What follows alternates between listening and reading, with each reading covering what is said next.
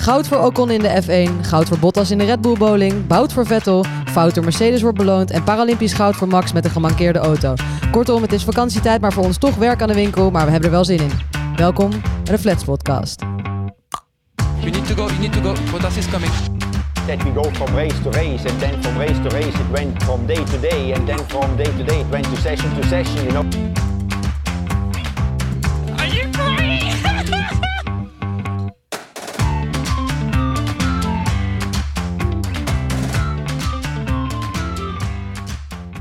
Ja, hallo allemaal en welkom bij de elfde aflevering alweer van de Flats Podcast, waarin de meest amateuristische experts van Nederland je bijpraten over de zin en vooral de onzin van de afgelopen Grand Prix van Hongarije. Als je toevallig dacht, hey, wat heeft Bram eigenlijk voor een hoge stem, ah, eigenlijk misschien wel een lage stem gekregen, Ehm, een warme, een zwoele stem gekregen, dat klopt. Want ik ben Pien eh, en ik ben vandaag jullie host. Want P en Bram die zijn momenteel in Italië op vakantie en ik zit moederziel alleen in de studio in Amsterdam. Iets met werkpaarden en iets met showpaarden. Ehm, en ik zal de hosting duties van Bram vandaag overnemen. Uh, dus be gentle, want uh, uh, we noemen Bram ook wel Toto. binnen ons podcastgezelschap niet in de eerste plaats omdat hij altijd een wit overhemd aan heeft, maar ook in de tweede plek omdat hij de structuur van de podcast altijd heel lekker in het snoetje heeft. Ik ben op mijn beste dag een Ferrari-stratege op zijn slechtste dag. Dus dit gaat net zo'n chaotische podcast worden als dat de race was. Maar ik denk dat het alleen nog maar het gaat spannend worden. We hebben op AliExpress wat microfoontjes aangeschaft en die heb ik heel liefelijk in P en Brams koffer geschoven. En die zijn nu live gelukkig bij mij vanuit Italië. P en Bram, can you hear me? Ja, we zijn er.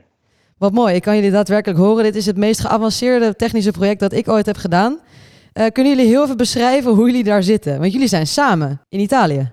Ja, dat klopt. Ja, we zitten hier, uh, dus, we zitten hier in Toscane, 36 graden, midden in een hittegolf. Uh, we hebben brak op onze mobieltjes, hebben we de race zitten kijken. Ik was er al, Peet op zijn mobieltje op weg hier naartoe. Um, ik wilde even een shout-out doen aan Peet. Die heeft het helemaal naar Italië weten te redden in zijn Prius. dus daarvoor even een applausje. Woehoe! Ja. Ik neem ook aan dat hij de terugweg niet in die Prius doet. Dat hij gewoon het vliegtuig terugneemt, maar dat zullen we zien. Hoe lang ja, heb je erover uh, gedaan, Peet? Nu zitten we hier lekker. Ik heb uh, 15 uurtjes gewoon aan de haak zitten pien. Maar wat ik hier ook nog even aan wil toevoegen is, um, dit is ongeveer mijn eerste uur vakantie en ik zit alweer een podcast op te nemen met jullie. Dus ik ben letterlijk vanmiddag aangekomen, de hele nacht doorgereden.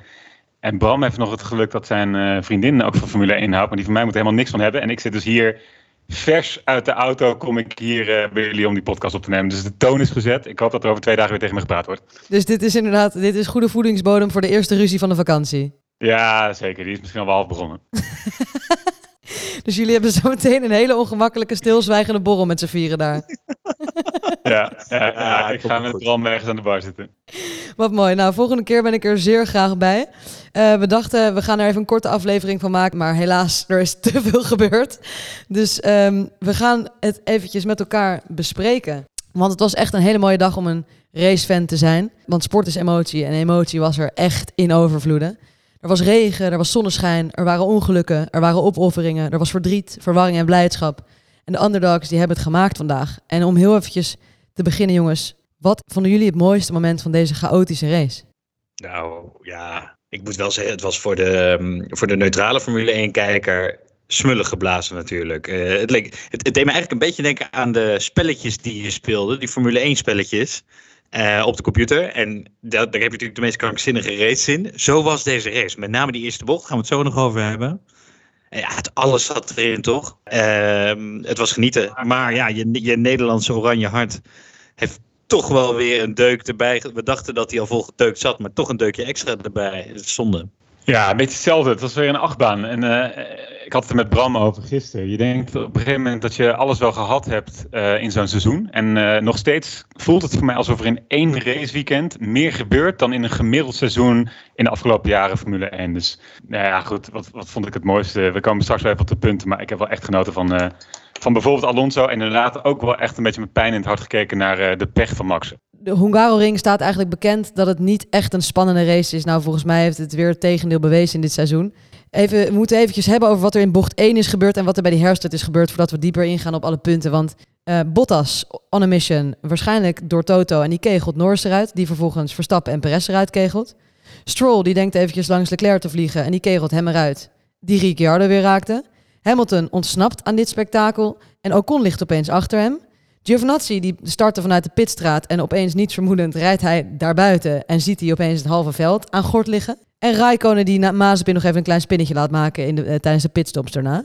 Wat ging er door jullie heen toen jullie deze, toen jullie de- deze eerste bocht zagen? Ja, ik, eh, ik dacht eh, niet weer. Maar dat was even vanaf, dat was de eerste Verstappen-reactie. En daarna dacht ik, ik moet heel eerlijk zeggen, ik tunede net op de start in. Ik had nog niet alle condities meegekregen, maar eh, eh, vooral heel veel pech voor Red Bull. En dat is wel eh, ja, wat, wat je Max nu hoort roepen. Is gewoon in twee races 30 punten voorsprong eigenlijk naar zijn grootje. Eh, dat ging er wel een beetje door mij heen in die eerste bocht al. Want ik had niet verwacht dat hij verder kon rijden, gezegd. En heb je, heb je ooit aan de complottheorie gedacht dat eh Bottas dit expres heeft gedaan, zoals je vorige race dacht? Nee, zo goed kan Bottas echt niet rijden. Die had dit nooit van tevoren zo kunnen uitstippelen. Nee, het is ongelooflijk wat een fout hij maakt. Hè? Dus eh, je remt gewoon te laat. Dus hij is er ook terecht zwaar voor bestraft. Hij heeft ook zijn excuus aangeboden. Hij kan niks meer doen dan wat hij nu gedaan heeft. Maar wat een idioot zegt. Hij en Stroll, allebei hetzelfde. Ja, want ze hebben dus de volgende race hebben ze dus allebei vijf plekken gridstraf als ze dus in Spa gaan rijden. Maar bizar toch dat gewoon het halve veld eruit ligt. Wat was het? Hoeveel mensen waren er nog over 14 of zo? Ja, en dit soort enorme startcrashes, die zien we natuurlijk vaker. Eh, en dat heeft altijd te maken met de regen. In Emilia-Romagna zag je ook een, een, hele mooie race ontstaan door de regen. Nu ook weer. Het is maar een kleine aan het begin, maar het kan zoveel betekenen. En met name ook dat die goede rijders van die slechte rijders zo enorm worden geschift. Eh, het is geen toeval dat het Bottas en Stroll zijn die zo enorm in de fout gaan. Dat zijn mindere rijders. Ik zeg niet dat ze slecht zijn, echt niet. Maar hebben gewoon minder talent dan de gemiddelde coureur op de grid, eh, denk ik. Ehm, ja, en, en die maken dan de foutjes. Die jongens, dat heeft Bottas vorig jaar ook al laten zien in de regen in Turkije. Ging die ook niet lekker. Hij gaat nooit lekker in de regen. Maar dit is toch eigenlijk wel een beetje de doodslag op, de, op zijn plekje bij Mercedes, zou je toch wel zeggen. Van je hebt nog één kans om het even te bewijzen. En dan, oh, oepsie. Ja, of juist is Toto blij natuurlijk, dat hij, dat hij die Red Bulls eruit heeft gekegeld. Maar dit, kan, dit is toch Ik wel... wilde eigenlijk- net zeggen. Of, of juist niet. Of hij heeft inderdaad zijn stoeltje veilig gesteld voor volgend jaar eh, door, eh, door Hamilton de, de voorsprong in het wereldkampioenschap geven. Ja, ik wou nog één ding zeggen. We moeten het ook niet groter maken dan het, eh, het gebeurt. En Perez als tweede rijder wordt een hele hoop meer vergeven dan wat Bottas, wordt vergeven. En vergeet ook niet, bijvoorbeeld, eh, Verstappen heeft precies hetzelfde gedaan bij Rijkonen in Spa 2018. Eh, Weet je, het, het gebeurt nu helemaal in de Formule 1. Het gebeurt bovengemiddeld vaak bij Bottas, maar het was niet out of the ordinary eh, fout, helaas. Wat je ziet, wat, ja, het gebeurt vaker. Nee, precies, dat is ook wel waar. En ik heb ook nog heel eventjes een kleine compilatie gemaakt van alle boordradio's van elke coureur na dit eh, incident. Dus die zal ik eventjes afspelen. Mate, what the fuck happened there? Uh, I think one of the McLarens has hit you. Ah, they fucked me! Ah, shit! What an idiot! Safety car. How you see the car? Check out, we need to retire the car. What the fuck happened? Uh, I'm not sure. Haven't seen yet. I got hit. Copy, copy. Can you keep going? Cockhead. Zoals je ziet was er echt totale chaos gaan. En ik wilde toch heel eventjes ook nog Bottas' reactie eh, laten horen... die ik ergens nog in de krochten van het internet vond. Ik wil bowlen! We gaan godverdomme bowlen! Oh nee, sorry. Verkeer, ver- verkeerde knopje, sorry. Dit was even... Bowlingbocht 1. Dit is krijg je als je mij achter de knoppen zet, hè? Hartstikke netjes, nee. Ja, en even, even in toevoeging op wat Bram zegt. Hè, dus inderdaad, eh, de, de betere rijders worden van de minder goede rijders onderscheiden. Aan de andere kant, dit is zo'n veldslag, zo'n zeldzame veldslag die Jos Verstappen vroeger nodig had om een, een keer een punt eh, te halen. Dat was natuurlijk ook. Hè. Een aantal rijders heeft gewoon zoveel geluk gehad. Op een gegeven moment lag die Latifi derde. Die wist ook niet wat hem overkwam. Ja, zo'n gekkenhuis was het gisteren. Maar inderdaad, de bowlingbocht eh 1. eh, je gaat de boeken in, eh, Pien. Heel mooi als je inderdaad gewoon heel even in slaap was gedommeld... omdat je op de bank lag op zondag... en dan opeens open je je ogen en dan zie je dus Latifi op drie... Ocon op één en Vettel op twee. Dan denk je toch even van, huh? wat is hier gebeurd? En, Hamilton in zijn eentje de race starten, hè? Dat Ja. is, wordt wel een uh, triviant vraagje hoor, over 20 jaar. Dus alle luisteraars die graag spelletjes spelen, even opletten. Deze Grand Prix komt absoluut een triviantspel voor. Want dit is nog nooit eerder gebeurd dat iemand in zijn eentje de race is gestart. Maar die safety car moet toch ook hebben gezeten daarachter van... ja, voor wie ga ik eigenlijk mee? Want die gozer gaat gewoon in zijn eentje, gaat hij er gewoon op af. Maar nee, echt bizar. En ehm, misschien moeten we gewoon maar doorgaan naar alle mooie underdogs... die ons een hele emotionele zondag hebben bezorgd. Eh, om maar te beginnen... ja, ik had niet verwacht dat we dit in de podcast zouden zeggen... maar om maar te beginnen bij de winnaars van Alpine. Ja, Pien, dankjewel. Want ehm, ik heb mijn loftrompet eventjes af moeten stoffen, mee moeten nemen. En ga hem nu toch echt blazen voor het team van Alpine. Het team wat we eigenlijk een heel seizoen lang proberen te negeren. Maar man, het zijn de smaakmakers van deze race. Het is een beetje alsof je denkt dat je tofu gaat eten, maar dan opeens een, een Spaanse hete peper in je bek krijgt. Wat gebeurde er? We kregen al een klein voorproefje twee weken geleden met Silverstone. Toen hebben we het ook gezegd. Alonso maakt het leuk. Maar nu, um, ze winnen en ze winnen ook als team. Uh, het is voor het eerst in mijn leven dat ik Frans heb zien samenwerken met elkaar. Komt misschien ook omdat Alonso een Spanjaard is. maar um, Ocon rijdt ja, voortreffelijk en foutloos. Hij heeft, uh, in anderhalf seconde heeft hij Vettel in zijn spiegel de hele race lang. En hij maakt geen enkele fout. Dat team maakt geen fout in de pitstops. Alonso laat geweldig teamwork zien. En de grappige is met Ocon dan moet je uh, maar even kijken naar zijn laatste races. Die heeft, nou, die rijdt een prima seizoen, haalt af en toe zijn puntje. Dan in Monaco tekent hij zijn contract voor drie jaar bij Alpine. Drie jaar, dat is echt lang in de Formule 1, zijn eeuwigheid. Vanaf dat moment begint hij dramatisch te rijden. Oostenrijk eruit uh, en allerlaatste twee keer niet eens door naar Q2 in de kwalificatie. Uh, echt dat mensen denken, wat is hier aan de hand? Je hebt een contract binnen en opeens trap jij de rem in. Um, en dat heeft zich doorgezet ook nog, geloof ik, in na Silverstone. Nee, toen kwamen ze met een nieuw chassis, zo was het. Dus heeft uh, Alpine tegen Ocon gezegd, nou weet je, we gaan alles uitsluiten, we gaan je een heel nieuw chassis geven. Ja, en blijkbaar zat er toch iets in dat oude chassis. Want sindsdien is hij weer zijn punt aan het scoren. En met nu kroon op zijn werk. Um, is een beetje een slow starter. Maar het is hem gegund na vier seizoenen. Zijn eerste overwinning. En ja, er wordt nu gezegd dat hij in het rijtje hoort van talenten van de toekomst. Hè? Verstappen, Russell, Leclerc. Um, ik weet niet, en Norris natuurlijk. Ik weet niet of dat helemaal terecht is. Dat moet even kijken of dit niet alleen maar een eendagsvlieg was. Maar ja, alle credits naar hem. Heel mooi gedaan. Um, wat ik vooral hard op hem heb gelachen is dat, ik weet niet of jullie het gezien hebben, maar hij heeft dus zijn auto gewoon midden op de baan heeft die geparkeerd. En hij weet gewoon, volgens mij wist hij gewoon niet echt zo goed waar hij dit ding moest parkeren of zo.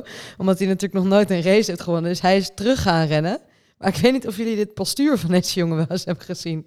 Maar het leek een beetje alsof je zo'n zo'n opblaasding bij zo'n tankstation hebt, weet je wel? Die dan zo de het heen en weer gaat met die armpjes. Het zag er niet super atletisch uit, ben ik met je eens, Pien. Ja, en um, ik weet dat Alonso is als vijfde geëindigd, maar hij moet gewoon in één adem genoemd worden met Ocon in deze overwinning. En Pien, ik heb een klein fragmentje meegenomen, misschien kunnen we dat even laten horen, van uh, Ocon die te horen krijgt van zijn engineer dat Alonso daadwerkelijk heeft gezorgd dat hij kon winnen. Let op.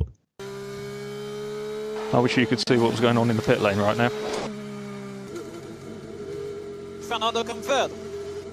Fernando, uh, Fernando came fifth, uh, but he uh, is probably the reason that you won. He held off uh, Hamilton for a long time. What a legend! What a legend! Man of the day. What a legend, ja. En ik kan het niet beter samenvatten. En ik moet eerlijk zeggen, ik kijk al heel lang Formule 1, maar ik heb de Alonso-jaren een beetje met een half oog gekeken. Niet heel geïnteresseerd. Maar ik zag opeens deze race waarom mensen zo ongelooflijk fan van hem zijn. Want dat je in die auto met die banden Hamilton zo achter je weet te houden. Ongelooflijk. En ja, genietend om naar te kijken. Of Max er nou uitlicht of niet, uh, of je nou fan bent of niet. Maar dit was echt genieten om naar te kijken. En Alonso, we hebben dat ook al gezegd aflevering, maar die zich als teamplayer opnieuw heeft uitgevonden. Ook ongelooflijk. Waar haalt hij dat opeens vandaan? Nou, het is een hele nieuwe Alonso, maar wel met dezelfde rijskills. Echt leuk om te zien. Ja, ik vond het ook echt, ik vond het zo leuk om maar te kijken. Ik zat gewoon de hele tijd op de bank, zat ik zo, Fernando! zat ik gewoon de hele tijd zo. Ook in de hoop eigenlijk dat hij Lewis eruit zou tikken, maar hij deed het echt heel goed. Een soort van middeleeuws verdedigingsfort, als we toch in oorlogstermen aan het praten zijn. En wat ik dus echt, ik heb zoveel emotionele momenten gehad hè, tijdens deze race. Waaronder dus dat Alonso dus toen uh, Ocon binnenkwam, toen stond Alonso daar als een soort van trotse moeder op hem te wachten. Totdat hij klaar was met zijn team aan het knuffelen en om hem dus te feliciteren. Nou, ik vond dat weer zo'n mooi sportmoment ook. Ja, zeker. En, en dat laat ook wel zien dat het een teamsport is. Hè? Wat, eh, wat Bram al aangaf. En niet alleen tussen die engineers en een coureur. Maar dus ook echt tussen die twee coureurs en het team zelf. Ja, en, die- en, en daarbij even zeggen. Ondertussen horen wij volgens mij een Florence eh, kerkklok op de achtergrond. maar er zijn weinig coureurs die zo kunnen verdedigen als Alonso. Ik denk dat Max in dat rijtje staat, maar niet heel veel meer. Maar het was zo fel gisteren. Het was, nou, dat heeft een ronde of 6, 7 geduurd. Maar ik zat te wachten op het punt dat die twee met z'n tweeën ervan afgingen. Ik Gewoon ook, want ze hebben met, elkaar eh, Met aangeraakt. Max en, en Lewis gisteren. Ze hebben elkaar volgens mij inderdaad ook geraakt. Maar echt briljant. Ik vond dat het hoogtepunt van de race gisteren. En even terug naar eh, eh, Alpine.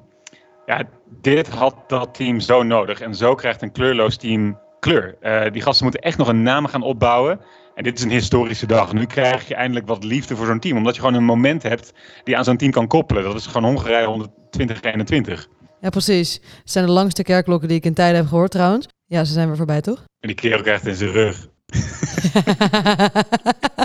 Zo'n oude pater. Klak.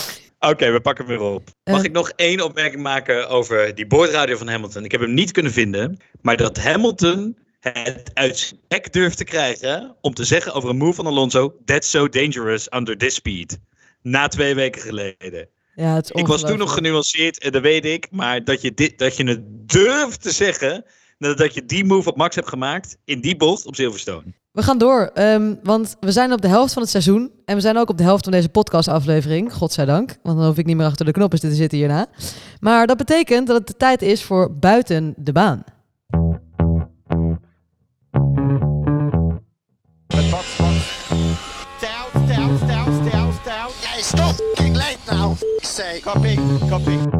Buiten de baan is de rubriek waarin Pien, dat ben ik dus, elke week een leuk feitje meeneemt van buiten de baan. Heel mooi dat ik dus zo triest alleen in deze studio zit dat ik mezelf het woord geef. Dus Pien, take it away. Geef niet Pien. Ehm, want wat ik deze week heb meegenomen is, het is dus de helft van het seizoen, zoals ik net zei. En dat betekent dat het weer tijd is voor silly season. En wat is nou silly season? In Nederland betekent dat komkommertijd. Maar in de Formule 1 betekent dat eigenlijk de helft van het seizoen... waarin dus contracten worden getekend of niet getekend... en waar meer duidelijkheid komt over wie er wel of niet bij zijn team gaat blijven het komende jaar. Nou, voor de roddelrubrieken is dat natuurlijk heel lekker voer om even lekker te gaan speculeren. En daar houden wij natuurlijk ook heel erg van. Dus ik ga jullie heel even een kleine update geven over hoe het nu ervoor staat met alle roddels over de stoeltjes voor 2022. Ik- Om maar te beginnen met degene die we natuurlijk heel vaak hebben besproken is Russell. Russell wordt vaak gelinkt aan Mercedes. Maar stel dat Russell naar Mercedes gaat, heeft dat een aantal implicaties voor andere stoeltjes. Want Bottas wordt dan weggebonjourd bij Mercedes, logischerwijs. En dan zou je denken, oké, Williams en Mercedes zijn gelinkt, dus dan gaat Bottas gaat dan naar Williams. Maar ehm, Bottas is schijnbaar in gesprek met Alfa Romeo. Wat de boel nog meer omgooit. Want oké, stel je voor dat Russell naar Mercedes gaat en Bottas naar Alfa Romeo. Dat betekent ten eerste dat er een plekje vrijkomt bij Williams. En wie gaat daar dan heen? Dan heeft Toto Wolff heeft gezegd dat zijn twee coureurs van Mercedes van de Formule E. Dat zijn Nick de Vries en Stoffel van Doornen. Eentje heeft al in de Formule 1 geraced en de ander nog niet. Dat die ook kans moeten maken op een Formule 1 stoeltje. En Nick de Vries is een Nederlander, Stoffel van Doornen een Belg, denk ik. Klopt. Ik- ik- ja, klopt. En dus dat zou heel mooi zijn als die opeens voor Williams gaan rijden. Eh, want dan hebben we opeens twee Nederlanders slash Belgen erin. Ja, of nou Nederland of België komt, Max is één van de twee. Dus dat zou mooi zijn. En wat betekent dat nou voor Alfa Romeo? Dat betekent dus dat één van de twee coureurs weggaat. Nou, je zou denken, Raikkonen die gaat dan eindelijk met pensioen. Dat weten we nog nooit niet. Of Giovinazzi wordt dus weggebonjourd bij Alfa Romeo, omdat Bottas daar dan gaat rijden. Maar ja, goed, dat zijn dus allemaal nog roddels. Eh, er wordt ook nog steeds gespeculeerd dat Russell gewoon bij Williams blijft. En dan gaan deze dingen allemaal niet op. En ze zeggen dus ook tijd dat Perez in gevaar is bij Red Bull. Wat ik niet helemaal begrijp, want wie, in, wie ga je dan nou weer op dat stoeltje neerzetten, weet je wel? En hij moest zichzelf dan heel erg bewijzen de afgelopen races. Nou, hij is er de afgelopen twee races uitgeflikkerd. Hij heeft niks kunnen laten zien. Maar wie zou er anders in dat stoeltje komen te zitten, P. Bram? Nou, nog even, eh, er wordt trouwens gezegd ook wel dat Alfa Romeo gewoon allebei de coureurs op straat gaat zetten en gewoon een clean sheet gaat, opnieuw gaat beginnen. Ja, die, eh, die tweede, dat tweede zitje bij Red Bull natuurlijk ieder jaar, je zou geen silly season hebben zonder dat het over de tweede coureur van Red Bull gaat. En ik denk dat het wel terecht gaat over Perez, want die vorige race, Pien, dat was niet door een pitstop. Dat was omdat hij alles verkloot heeft in dat hele weekend. Inclusief de kwalificatie, inclusief de race.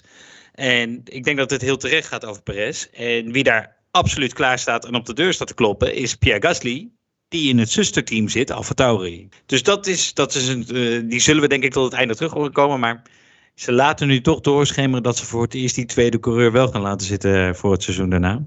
Tja, maar anders wordt het Gasly. Dat tweede stoeltje gaat toch nooit, gewoon, nooit een keer voor een paar jaar worden opgevuld gewoon. Het is niet heel steady geweest inderdaad bij Red Bull. En verder inderdaad wat je zegt, Pien, eh, het zou natuurlijk mooi zijn als Nick de Vries eh, als een tweede Nederlander in de Formule 1 zit. Wat ik wel opvallend vind aan dit rijtje, is dat Bottas in gesprek zou zijn met Alfa Romeo. Want je hebt een paar van die families in Formule 1 waarin eh, wel eens wat uitwisselingen worden gedaan. Hè? Dus je hebt Mercedes en Williams, die zeg maar familie zouden kunnen zijn. Hè? Williams een Mercedes motor. Uh, invloed van Toto Wolff tot in. Je hebt uh, Red Bull en Alfa Tauri. Je hebt ook Ferrari en Alfa Romeo. Dat is vaak een wat logischere match. Hè? Uh, dus Rijkonen die uiteindelijk van Ferrari naar um, Alfa Romeo gaat. Dus ik zou het opvallend vinden als Bottas, als Mercedes-coureur, naar Alfa Romeo gaat. Maar goed, we gaan het, we gaan het zien. Het is een oude team. De, hij komt daar vandaan voordat hij naar Mercedes ging. Dus wat dat betreft, kijk, je kan natuurlijk gewoon nog steeds wel een transfer maken. We gaan door naar de volgende. Nieuw! Pien, ik geef het woord weer aan jou. Dankjewel, Pien. Um, ik ga weer eventjes door met de rest van de race. Wat een handige indeling ook even zo goed zeg. Totale chaos. Nu doe je dus alle drie, hè, Pien. Je kondigt, je, je kondigt het aan, je pakt hem op en je lacht dan ook vervolgens om je eigen grap. Dus ik, ik ga gewoon even op mute en ik laat jou eventjes, uh, we laten jou eventjes aan het woord. Als, ik zit hier ook bij het raam. Als mensen hier dus naar binnen kijken, dan denken ze, welke idioot zit hier nou in zichzelf te praten en in zichzelf te lachen met een koptelefoon en een microfoon. Maar goed, um, we moeten eventjes door, want de emotie lag ook hoog bij Vettel. En tijdens de race, maar ook vooral na de race. Vettel hebben we het vorige week natuurlijk even over hem gehad, omdat het een hele degelijke uh, en aardige vent is. Dus heel mooi dat hij P2 heeft gehaald. Ocon heeft hij natuurlijk net niet ingehaald, wat heel jammer was. Daar was, zat wat frustratie bij hem. Maar wat is er nou gebeurd? De beste man is gedisqualificeerd. Dus dat is wel heel triest nieuws. Want we waren zo blij dat Vettel weer een podium had gepakt. En die is dus van hem afgenomen omdat hij niet genoeg benzine in zijn auto had. Daar komen we zo nog even op terug. Um, maar wat betekent dit nou? Dit betekent dus dat die vieze vuile Hamilton toch P2 heeft gepakt en drie extra punten heeft uh, gescoord. Nou, twee eigenlijk, want Max heeft dus P9 gehaald. En Sainz heeft dus ook weer buiten het podium om een podium gehaald. Wat hij dus weer ergens extern mocht gaan vieren. Ik weet niet welke race dit ook weer was. Maar dat is hem wel eens eerder gebeurd. Maar en wat ik ook nog. Hij, Vettel is ook nog twee keer op het matje geroepen bij de stewards na de race. Eén keer omdat hij dus zijn Pride shirt nog aan had tijdens de uh, volksliederen, wat schijnbaar niet meer mag. En de andere keer omdat hij dus tijdens de Formation Lab met zijn team had gecommuniceerd wat niet mag. Dus hij is drie keer op een matje geroepen na de race. Moet je je voorstellen, ben je zo blij dat je een podium hebt gepakt. En dan komt dit erna. Dat is wel echt een flinke, flinke domper. Ja, en voor de duidelijkheid, uh, Aston Martin gaat wel in beroep. Hè? Dus op dit moment, als je de stand uh, in je app opzoekt, staat Vettel nog gewoon op de twee. Maar het zou inderdaad heel zuur zijn, uh, Pien, dat ben ik met je eens. Uh, want uh, hij heeft zo'n mooie race gereden. Ik vond het wel echt een, een mooi plaatje, een mooi duel met Ocon. Dus hij heeft absoluut die, die punten verdiend wat mij betreft. Ja, wat ik ook grappig vind is dat iedere keer dat er vooraan wat aan de hand is, en dat was in Baku hetzelfde, zit hij erbij om op dat podium te staan. Dus normaal rijdt hij zeg maar volgens mij rond de tiende plek of zo. Maar op het moment dat er dan een kans is, dan staat Vettel er ook meteen. Dus het is echt, echt de wiekste coureur die zijn moment uit weet te zoeken om echt te shinen. Helemaal afgeschreven. Ik denk door vrijwel de hele Formule 1 community aan het begin van het seizoen. En het toch zo neer weten te zetten. En zo relaxed zijn dat je dat t-shirt aandoet. Dat afvalrapen wat Pien al noemde uh, vorige race. Hè? Dus ook jezelf veel meer profileren buiten de baan. Er vroeg iemand ten huwelijk. Iemand iemand ten huwelijk buiten de baan. Komt hij komt hij dus aanrennen om, uh, om het net verloofde koppel te feliciteren. Het is, het is, je ziet hem, je ziet gewoon door de tv heen hoe goed hij in zijn vel zit. Het is echt leuk. Ik hoop dat die uitslag blijft staan. Ik hoop het ook heel erg. En ik vind het vooral heel grappig uh, hoe wij weer 180 graden van mening zijn gewisseld. Want kijk, onze pensioenpeloton nou eens aanmoedigen. Eerst Alonso en dan Vettel. Want wat zitten ze er lekker in, hè jongens? Ja, mag ik nog wel even, Pien, want jij zei die vieze, vuile Hamilton. En dat is zo, en dat voel ik ook. Maar ik moet het toch eventjes zeggen. Hij heeft wel een fenomenale race gereden. Ja. We gaan niet bij hem stilstaan verder. Maar hij heeft het als, als coureur, als persoon... Staat hij er, doet hij er, komt hij achteraan in het veld... en wordt dus met al het geluk, maar ook door alle skills wordt hij wel tweede. Ja, daar heb ik wel echt gelijk in. Zat gewoon even, de emotie zat nog hoog. Maar inderdaad, het is echt heel moeilijk om op deze baan in te halen. Dat zie, zie je bij Vettel, want het lukt hem de hele race niet. En Hamilton, die fixt toch wel weer om eh, zoveel coureurs in te halen en toch derde en tweede te pakken.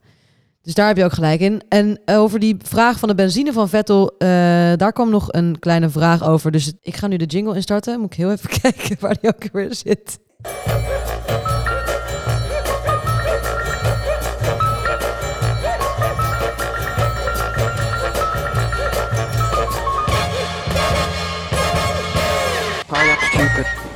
I am stupid. I switch off everything. Oh, ik, ik, stop hem ook super abrupt. Nou ja, goed, hè? dat zijn de, de gebreken van Pina achter de knoppen.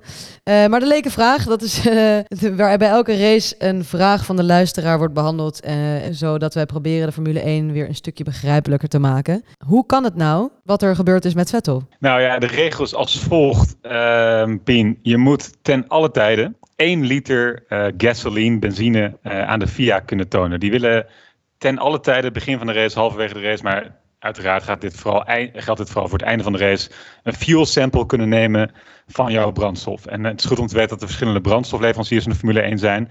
En ook daar willen ze testen op doen, zoals, zoals eigenlijk alles getest wordt. We hebben dit jaar al voorvleugels gehad, eh, motoren zijn vaak onderdeel van de discussie, maar ook fuel wordt getest. En wat was nou het probleem? Eh, Vettel had ongeveer eh 0,3 liter over na de race.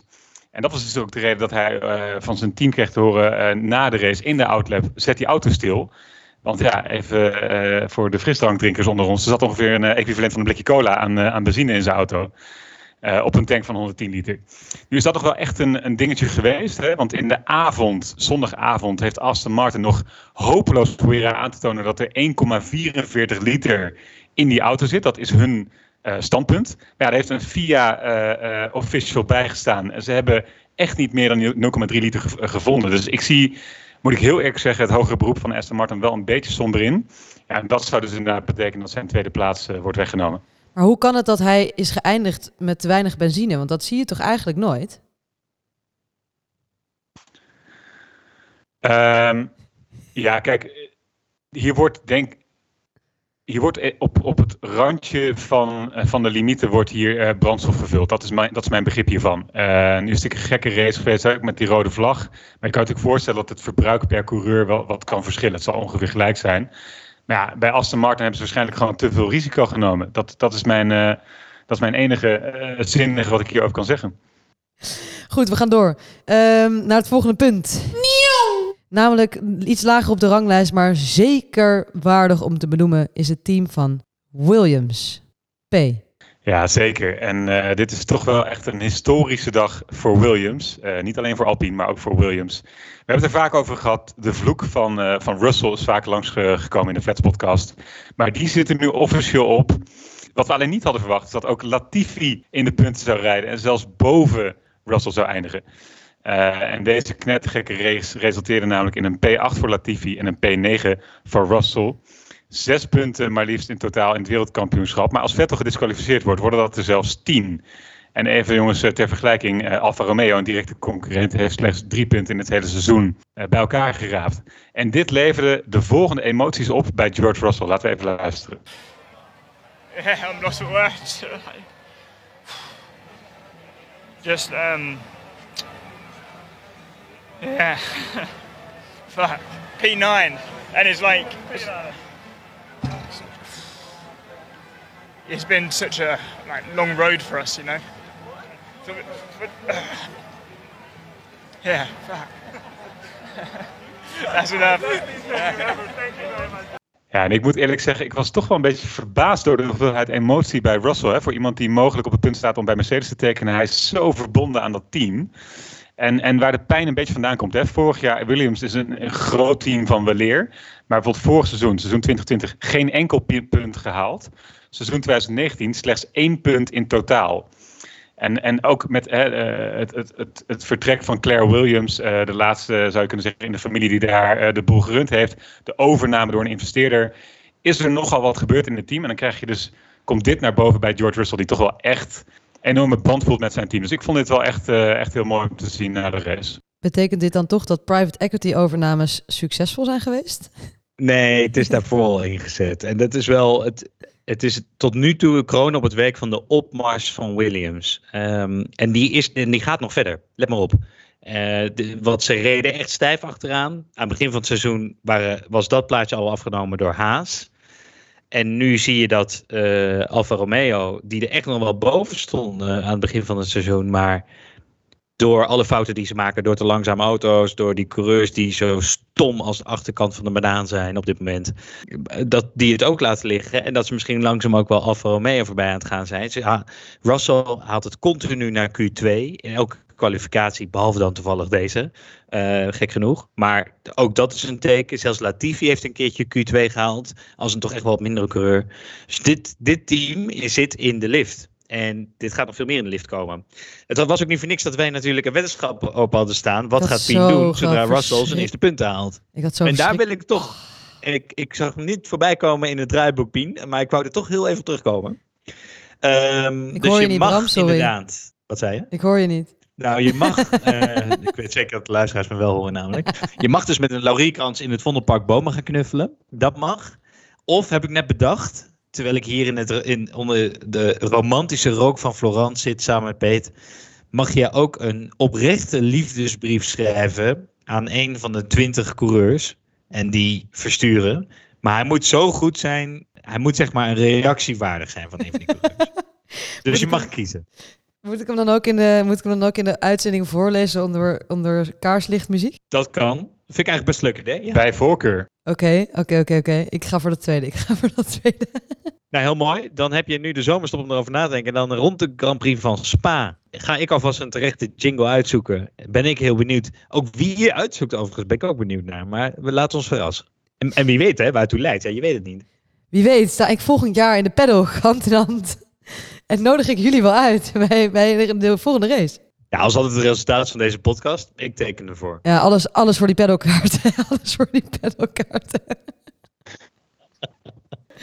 maar goed, ehm, en we gaan weer door naar het volgende, namelijk onze rubriek Dichterop. Waarbij we luisteren naar de poëtische terugblik van Luc op de Grand Prix van Hongarije. Dit weekend gaan we van start in de kartbaan van Nintendo. Hungaro Ring. Dat klinkt als de Japanse regenboogbaan met voor iedereen op elke halve meter een banaan. DHL doet de magische dozen en voor de sterren hebben ze dit weekend wederom Heineken gekozen. Luigi Hamilton start vooraan en zijn rivaal Mario Verstappen snelt er rap achteraan. Na de eerste paddenstoelen en de zoveelste banaan laat Bowser Bottas zich weer lekker gaan. En die potte, brute schildpad kegelt alles en iedereen van de baan. En dan is het met een halve kart voor Mario Verstappen finito en gedaan. En ook na deze race kan de controller weer in de kast, kan de computer weer uit. En we zeggen het nooit, maar weten het wel. Jongens, het is maar een potverdomme levensgevaarlijk, peperduur, hartstochtelijk spel. We gaan door naar de vooruitblik van Spa, Francorchamps. P. Had jij daar nog wat nuttig over te zeggen of nog wat? Even sorry, ik dacht dat jij me wat voorbereid je net zei. Ik heb ook niet zin. ik dacht dat... Nee.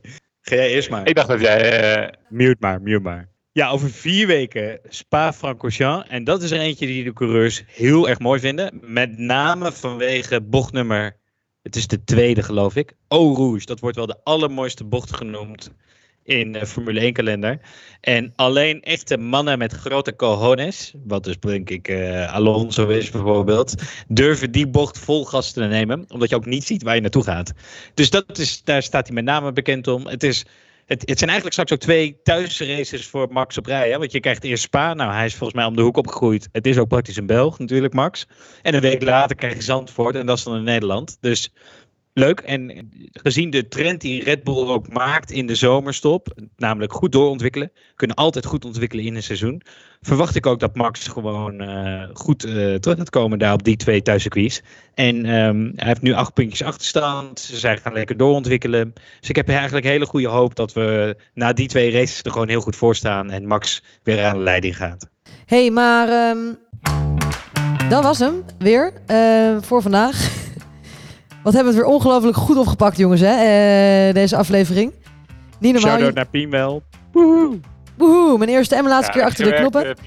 Hey, en buiten de ehm, vooruitblik naar Spa wil ik jullie graag op het volgende wijzen, namelijk in augustus, wat het al is, gaan wij de Formule 1 voor Dummies opnemen. Ehm, en we gaan korte afleveringjes opnemen waar we eh, fenomenen gaan uitleggen. Dus als jij nog dingen hebt die je wil weten, slide dan in onze DM en wij zullen alle vragen voor jullie beantwoorden. Als je toevallig verdwaald bent welke DM dat nou is, dat is de Flats Podcast Formule 1 op Instagram. En wij nemen het voor je op. En we zien jullie over een paar weken weer. Geniet van de zomervakantie. P en Bram, die zijn eigenlijk die zijn gewoon al weg. Dus jongens, geniet ervan daar. En eh, ik zal je afsluiten in mijn eentje in de studio eh, met een troostpilsje voor mezelf. Oké, hoi. Hoi.